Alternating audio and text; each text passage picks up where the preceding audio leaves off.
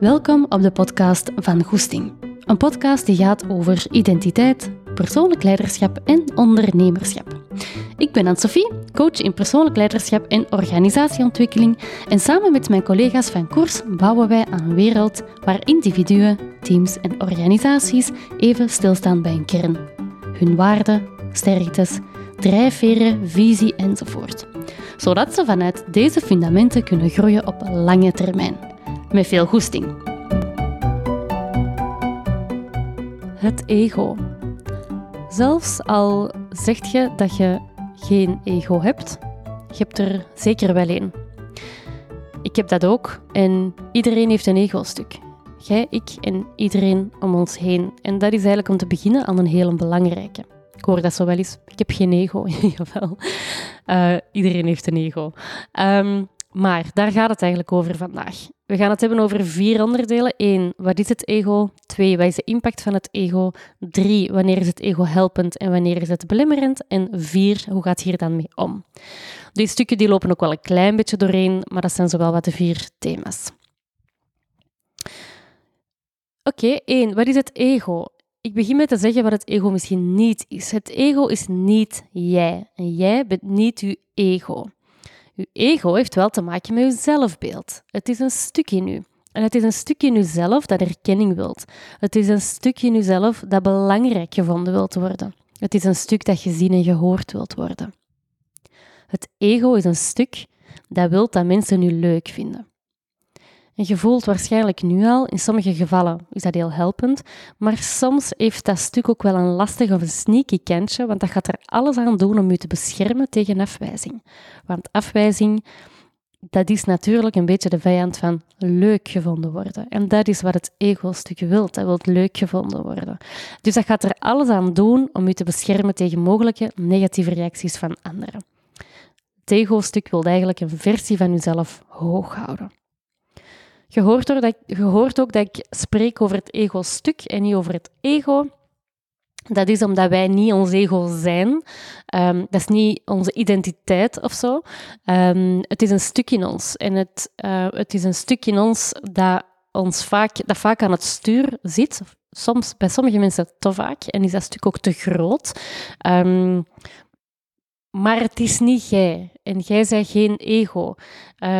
Het, het ego-stuk in u kan wel groter of kleiner zijn bij, dan bij anderen, waardoor dat een impact van de belemmering ook wel groter of minder groot gaat zijn op anderen. Dat ga je straks ook wel merken in die voorbeelden. Nu, wat is een impact van dat ego? Um, het, als we kijken naar wat een impact op jezelf is van dat ego, ah ja, dat wil ik misschien wel nog zeggen in dit soort afleveringen vind ik vaak wel wat tricky, omdat de valkuil bestaat dat je gaat kijken naar iedereen om, rondom u, die dat, een, dat jij van vindt dat die een groot ego-stuk hebben, dat je daar naar gaat kijken en dat je deze podcast gaat gebruiken om naar die mensen te kijken, maar dan zit daar vaak een waardeoordeel op. Het is echt niet de, belanger, niet de bedoeling dat je deze podcast beluistert en gaat kijken naar iedereen rondom u en hoe dat iedereen rondom u misschien wel eens een groot of een klein ego-stuk kan hebben. Deze podcast is voor u. De bedoeling is dat je dit, deze podcast beluistert om naar jezelf te kijken en jezelf beter te leren kennen en niet om naar anderen te gaan kijken of om naar anderen te gaan vingerwijzen. Dus ga echt kijken naar jezelf en probeer dit proces met jezelf aan te gaan. Als er bepaalde momenten zijn in deze podcast waar dat je weerstand voelt, dat is fijn. Dat hoort er gewoon bij. Dat is, dat is voor mij echt een deel van introspectie en het deel van jezelf leren kennen, dat is weerstand. Weerstand is goed, want weerstand vertelt u iets. Doe daar iets mee. Goed?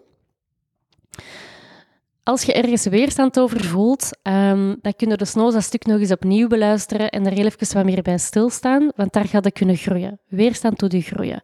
En daarom, um, ik, ik zeg deze omdat we vaak van weerstand weglopen. Of dat we weerstand niet willen, maar onder weerstand ligt uw groei. Daar ligt vaak uw volgende stap. Goed? Goed, waar was ik gebleven? Um, ik was gebleven bij de impact van het ego. Het zorgt er eigenlijk heel vaak voor dat we een hoge druk leggen op onszelf, um, dat we streng zijn of dat we niet mogen falen. Het ego zorgt er ook voor dat je keuzes maakt die misschien helemaal niet in lijn liggen met wat jij echt wilt of wat goed is voor een organisatie. En zinnetjes dat zo wat eronder liggen, is zo wat, ik moet het zelf doen, ik moet het zelf oplossen, ik moet sterk zijn, ik heb niemand nodig, ik kan mijn plan wel trekken, ik weet alles al. Maar die zinnetjes, die sturen je gedrag. En dat heeft impact op jezelf. Maar niet alleen dat. Het heeft ook impact op anderen, op je team bijvoorbeeld. Als jij alles zelf wilt oplossen, of als jij het allemaal zelf wilt doen omdat je het beter kunt of sneller kunt of zo, dan gaat je vermoeid geraken en gaat je veel stress ervaren op de lange termijn. Je gaat dat misschien in de eerste fase nog niet voelen, omdat deze onbewuste processen zijn, maar aan je lijf gaat je wel voelen dat daar de impact... Aan je lijf gaat wel voelen dat je um, kwaaltjes krijgt, slechter slaapt, vermoeid geraakt, meer stress krijgt. Um, de oorzaak daaraan ligt, dat kunnen heel veel oorzaken zijn, maar dit ego-stuk dat, dat het overneemt, kan ook een stuk daarvan zijn. Goed? Maar als jij natuurlijk het, het allemaal zelf wilt doen of het zelf wilt oplossen, dan heeft dat ook impact op anderen, want die gaan misschien wat minder vertrouwen voelen. Of die kunnen zich misschien wel eens klein gaan voelen in uw aanwezigheid. En dat zet natuurlijk een dynamiek in gang, waarin dat er steeds minder connectie komt tussen uzelf en anderen. Ja? Um, ik kan daar straks nog wat meer voorbeelden over geven, um, dus dat komt nog. Daarnaast ligt de druk maatschappelijk gezien ook best wel hoog. Um, kijk gewoon al naar sociale media, daar lijkt alles maakbaar te zijn. Lees dit boek en dat gaat je leven veranderen. Of door te manifesteren bereikt je al je doelen. Maar ik denk dat we soms echt wel die bellen moeten doorprikken, want niet alles is zomaar maakbaar. Je kunt echt niet alles alleen op wilskracht doen of op mentale kracht doen. Er zijn heel veel processen die veel meer nodig hebben op een diepere laag. Niet in dat hoofd, maar op een diepere emotionele laag. En dat wordt soms vergeten, maar daar zit de transformatie, niet op die wilskracht. En ik vind soms in de coachingwereld de druk ook wel wat hoog liggen. Ik hoor zo heel vaak van ja, de beste versie van jezelf worden. Maar guys, wat betekent dat eigenlijk, die beste versie van jezelf? Want daar staat eigenlijk dan letterlijk in dat je nu nog niet genoeg bent. Of dat het nog niet genoeg is, of dat je er nog meer kunt uithalen. En als je van hieruit vertrekt, dan bestaat er risico ook wel dat dat ego-stuk te veel aan het stuur gaat zitten, waardoor dat je dan weer in je hoofd gaat zitten. Ja? Um, dus daarom, ik ga een paar voorbeeldjes geven wanneer dat het ego helpend is en wanneer het belemmerend is. Om te beginnen, het is niet altijd negatief. Het is best belemmerend als het ego-stuk een beperking wordt voor je groei of dat je daardoor niet of minder kunt verbinden met anderen. Wanneer is het helpend? Het is gezond als het ego-stuk in balans is met behoeften. Dan heb je een gezond ego. En Gabor Maté zegt hierover... Ik, um, ik ga anders een, een stukje citeren uit zijn boek De mythe van het normaal. Een gezond ego niet in de zin van superioriteit, maar van een stabiele identiteit. De basis van zelfrespect, zelfregulering, het vermogen om goede beslissingen te nemen, een goed werkend geheugen enzovoort is cruciaal als je als mens wilt gedijen. Het is gezond en helpend als het in balans is met je behoeftes. En als je deze weet, stel jezelf dan de vraag ook eens tijdens deze aflevering wat je relatie is met je behoeftes. Hoe makkelijk kun je antwoorden op de vraag: wat heb ik nodig? Waarom doe ik deze? Wil ik deze wel? Wat vind ik belangrijk? Mocht je dat moeilijk vinden, coaching helpt om deze vragen voor jezelf scherp te krijgen. Dit zijn eigenlijk thema's waarin we dagelijks met onze klanten bezig zijn. Dus trouwens, je mocht ons altijd contacteren als je deze soort vragen moeilijk vindt en voor jezelf scherper wilt krijgen. Maar goed, dat is, um, het kan dus helpend zijn, maar het kan ook belemmerend zijn. Ik ga gewoon een paar voorbeelden geven en dan kun je voor jezelf kijken wat resoneert. Soms als je bang bent om je zelfbeeld te verliezen, dan gaat dat, er in de, gaat dat nieuwe ervaringen of nieuwe dingen in de weg staan. Omdat die nieuwe dingen in de weg staan, je weet nooit hoe dat, dat gaat lopen, dat geeft ook een beetje onvoorspelbaarheid, dus je hebt ook niet echt een idee wat een impact gaat zijn op dat zelfbeeld dat je hoog wilt houden. Daarnaast coach ik ook veel mensen in de leiderschapsrol. En dat ego-stuk is voor hen best wel een uitdaging, merk ik vaak. Twee voorbeelden. Om te beginnen, de grootste valkuil van een leider is populair willen zijn. Willen dat mensen nu leuk vinden en dat vrienden willen zijn. Maar als deze uw mindset is in leiderschap en in uw leiderschapsrol, dan ga je waarschijnlijk moeite hebben met uw rol te vervullen als je gevoelige boodschappen moet overbrengen of moeilijke beslissingen moet maken die impact gaan hebben op mensen. Ik had onlangs ook zo'n een, een, een, zaakvoerder bij mij en die vertelde dat er twee mensen in zijn team waren en die hadden frictie met elkaar. En allebei die personen apart, die waren naar hem gegaan om hulp. En dat ego-stuk van die leidinggevende werd op dat moment best wel getriggerd en hij was eigenlijk wel content, want hij voelde zich belangrijk en nodig. Dit is belangrijk. Hij voelde zich belangrijk en nodig. Dat is net wat het ego-stuk graag heeft. En dat is ook het stuk wat die persoon gevolgd heeft. Die persoon in kwestie heeft dus gehandeld vanuit dat contente ego-stuk en heeft dan eigenlijk met beide collega's afzonderlijk gesprekken gehad, meegezocht naar oplossingen enzovoort. Die was eigenlijk heel hard aan het werken om dat op te lossen tussen die twee collega's. Maar wat gebeurde er nu? Die stond eigenlijk tussen twee mensen in en die kreeg het niet opgelost vanuit de zijlijn, omdat hij niks te maken had met die situatie aan zich. Zijn ego, of zijn ego-stuk had hem aangestuurd om ertussen te gaan staan en het op te lossen, maar dat was helemaal niet wat die mensen in dat team nodig hadden en ook niet wat de organisatie nodig had. Wat die collega's en de organisatie nodig hadden, is dat die leider hen aanstuurde om met elkaar in gesprek te gaan onderling. Die hoefde daar in eerste instantie niet tussen te staan. Mochten die er onderling niet uitkomen, ja, dan kan die hier natuurlijk wel een actievere rol in spelen. Maar in dit verhaal merk je dus dat zijn ego-stuk volgens de eerste plaats niet de beste beslissing was. Niet voor hem, niet voor de twee mensen en niet voor de organisatie. Cool. Dus in leiderschap word je daar best wel vaak op getriggerd op dat stuk. Nu, een volgend puntje is de competitieve mindset. Ik heb daar twee aspecten over. Enerzijds vergelijken. Het ego-stuk houdt van vergelijken en streven naar uh, superioriteit. Um, dus wat wil ik daarmee zeggen? Het andere willen overtreffen in plaats van samen te werken en samen te groeien. En ik merk in de praktijk dat mensen vaak met anderen gaan vergelijken en zoeken, gaan zoeken naar manieren om dat dan te evenaren. Maar vaak wordt dan vergeleken met of mensen die al veel langer bezig zijn en ze vinden van hunzelf dat ze daar ook al moeten staan. Dit geeft heel vaak trouwens veel zelfkritiek en zelfoordeel. Maar wat ik ook wel zie, is dat we heel vaak gaan vergelijken met een hele persoon, of een hele persoon met ons als hele persoon gaan vergelijken. En dat, dat is onmogelijk. Want je weet om te beginnen niet wat mensen hun volledige bagage is, hun achtergrond is, hun huidige situatie. Je weet niet dat die, hoe dat die in een innerlijke belevingswereld is enzovoort. Dus we zien maar een klein stukje van iemand. We zien eigenlijk maar 10% van wat er echt bij iemand speelt. Dat is heel weinig. Dus vergelijken is, uh, is vaak iets wat het ego-stuk waar dat hij op aanstuurt, maar is ook iets wat vaak heel, heel, heel belemmerend kan zijn.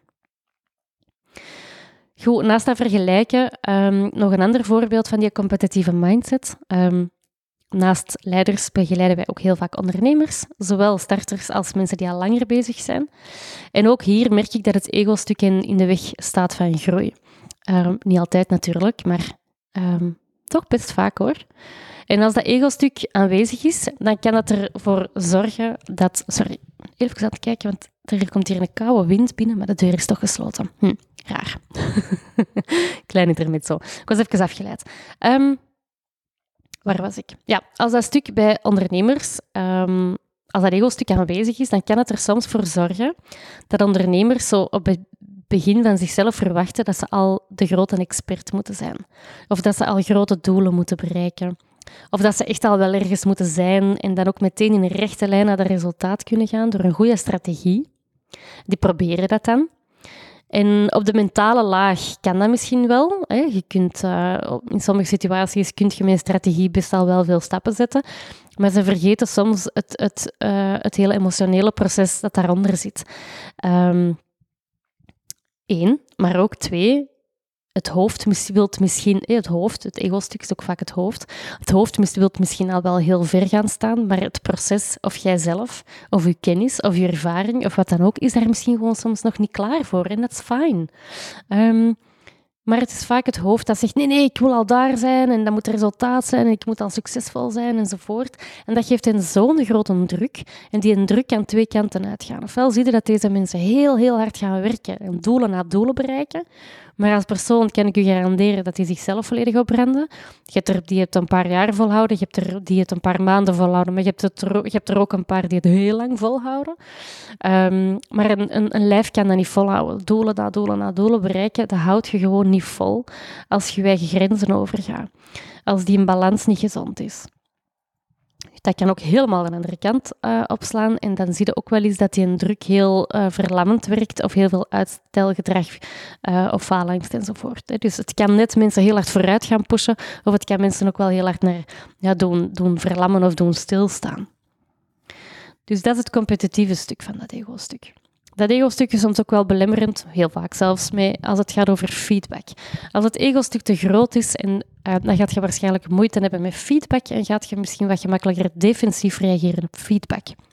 Waarom? Als je fouten gaat verbergen, dan kun je je zelfbeeld beschermen. Maar hierdoor staat er natuurlijk wel minder open voor groei en verbetering. En in dat opzicht is dat wel een belemmering. En dan heb ik nog een laatste voorbeeldje rond faalangst. Ik begeleid een onderneemster die al heel lang de podcast wil maken. Maar van haar partner of een, of een vriend, ik weet het al niet meer, ehm, had ze gehoord, ja, nog een podcast, maar er zijn er al kei veel, er zijn er al duizend. Dat, en het gegeven dat ze ook wel angst heeft voor de reactie van mensen, zorgt ervoor dat ze eigenlijk die podcast ontwijkt en dat ze het eigenlijk niet doen, met heel veel stress en frustratie als gevolg. En dat is ook heel logisch, want zij zelf verlangt, zij wilt zelf heel graag een podcast maken. Maar omdat andere mensen hun ego-stuk gesproken heeft, um, of omdat andere mensen uh, zeggen van er zijn er al kei veel, ja, dan is dat zo jammer dat die persoon die podcast niet maakt. Want die heeft echt heel veel interessante kennis dat heel veel mensen zou kunnen helpen. En in dat opzicht is dat gewoon heel jammer. En in aflevering 36 kun je ook veel meer te weten komen over faalangst en straalangst. Um, dan ga ik hier ook nog wel een klein stukje verder op in. Goed, we hebben het al even gehad over wat is het ego, wat is de impact daarvan en wanneer is het helpend of belemmerend. En nu het laatste stukje, hoe gaat hier daarmee om? Drie dingen. Enerzijds, mijn eerste antwoord met hoe gaat het om met bepaalde dingen, of zo op de hoe-vraag, hoe moet ik dat dan doen, is bij mij altijd bewustzijn. Je kunt pas ergens aan werken als je bewust bent van wat er speelt. Daarom ook deze podcast. Niet alleen deze aflevering, maar alle afleveringen. Wat ik eigenlijk met heel deze podcast wil doen, is om u tot introspectie te doen gaan, om uzelf te ontdekken door naar uzelf te kijken op verschillende uh, niveaus. En dan zijn dat ook al de afleveringen die elk een eigen stukje daarvan doen. Mijn uitnodiging vandaag naar u toe is dus ook om te kijken in welke mate dat uw ego-stuk uw leven en uw keuzes beïnvloeden. Het is vooral belangrijk om te weten dat je je gedachten en je overtuigingen kunt observeren zonder dat dit volledig samensmelt met uw zelfbeeld. Want jij zijn niet uw gedachten. Jij zijn niet uw overtuigingen. Als je weet dat je ego-stuk je wilt beschermen voor afwijzing, weet dan dat elke situatie waarin dat je zou kunnen afgewezen worden een trigger is. Een podcast maken, ik had het er juist al over, um, dat is best wel ene waarin dat het ego-stuk getriggerd wordt. Waarom? Dat is bij mij ook al zien. Ja, dat is wel echt een plek waarin dat je jezelf echt in de wereld zet, waarin dat je ook heel veel vertelt over jezelf. En een Instagram kan soms nog wel wat safe zijn. Daar, daar vertelde wat je... Allee, ik weet niet, ik vind dat toch anders. In de podcast toont je vaak ook wel een, allee, ik toch een groter stuk van jezelf. Um, mensen kunnen ook heel lang naar u luisteren, kunnen ook kiezen hoe lang dat ze naar u luisteren. Dus ik vind dat, ik vind dat best wel een plek waarin dat het ego-stuk getriggerd wordt, omdat dat een plek is waarin dat je ook wel afgewezen kunt worden door anderen. En als je daar te hard naar gaat handelen, dan ga je in iets als een podcast ga horen. Dat mensen um, of heel voorzichtig blijven of um, heel formeel hun podcast gaan doen, maar niet echt een stuk van hunzelf gaan tonen. Of dat ze het gewoon niet doen. Um, en dus dat is, dat is zo'n voorbeeld. Ik, heb dat soms nog altijd. Ik heb soms zo afleveringen waar ik van denk... Oh, maar heb ik nu alles mee? Gaat het goed genoeg zijn? Enzovoort. Maar ik heb wel geleerd om daar... om die gedachten te gebruiken om mij scherp te houden. Die houden mij ook scherp, want die zorgen ervoor dat ik kritischer ben. maar die gaan mij niet meer uh, verlammen of zodanig invloeden, beïnvloeden dat ik uitstelgedrag ga vertonen of de podcast niet ga maken of te perfectionistisch ga zijn. Uh, vroeger had ik dat wel, maar ik heb daar ook wel een best een groot proces in gehad met deze podcast. Um, dus dat is ook wel een proces. Dat is niet iets dat van vandaag op morgen, na deze podcast te beluisteren, dat je door dat proces bent. Integendeel. Um, dus een podcast maken bijvoorbeeld. Um, maar dat kan ook dat je zo een gesprek uh, plant met je klant waarin dat je gaat melden dat je tarieven gaan stijgen. Ook van die typische momenten um, dat dat ego-stuk getriggerd wordt. Want wat gaat de klant ervan zeggen? Gaan we die misschien verliezen? Enzovoort. daarin is het altijd heel belangrijk om te focussen op waarom wil ik die podcast maken? Of waarom wil ik die tarieven doen stijgen? Waarom is dat voor mij belangrijk? En je kunt je ego-stuk gebruiken om je scherp te houden en om, je, uh, om misschien wat kritischer naar bepaalde dingen te kijken of misschien nog eens een dubbelcheck te doen. Maar dan is het ook klaar en dan is het ook belangrijk om te blijven bij het stuk dat jij zelf belangrijk vindt. Dus dat bewustzijn is de eerste. Ik heb eigenlijk al een stukje van de anderen ook gezegd, maar bon, maakt niet veel uit. Uh, acceptatie is de tweede. Want je kunt hier ook wel echt een acceptatieproces met jezelf aangaan. Accepteren dat die angst er is om te beginnen. Die zinnetjes zoals, wat gaan anderen denken? Of wat verlies ik als ik dit gesprek aanga? Die komen best wel vaak voor. En het ultieme is als je deze soort gedachten kunt laten zijn. Dat je ze kunt zien, dat je ze kunt horen, dat je ze kunt accepteren dat je ze kunt gebruiken, zoals ik de juist al zei, om scherp te blijven, maar dat je niet vanuit die gedachten gaat handelen. Maar je gaat wel handelen vanuit wat jij belangrijk vindt, je verlangens en je behoeftes. Ja? En als ik zeg dat die gedachten gelinkt zijn aan de angst, om je uh, wacht, dat klopt hier niet wat ik aan het zeggen ben. Ik heb hier iets opgeschreven, maar dat klopt niet. Um, als, ik, als, ik, als ik zeg dat u dat scherp houdt, dan bedoel ik daarmee dat het oké is om te twijfelen of dat je iets wel goed doet.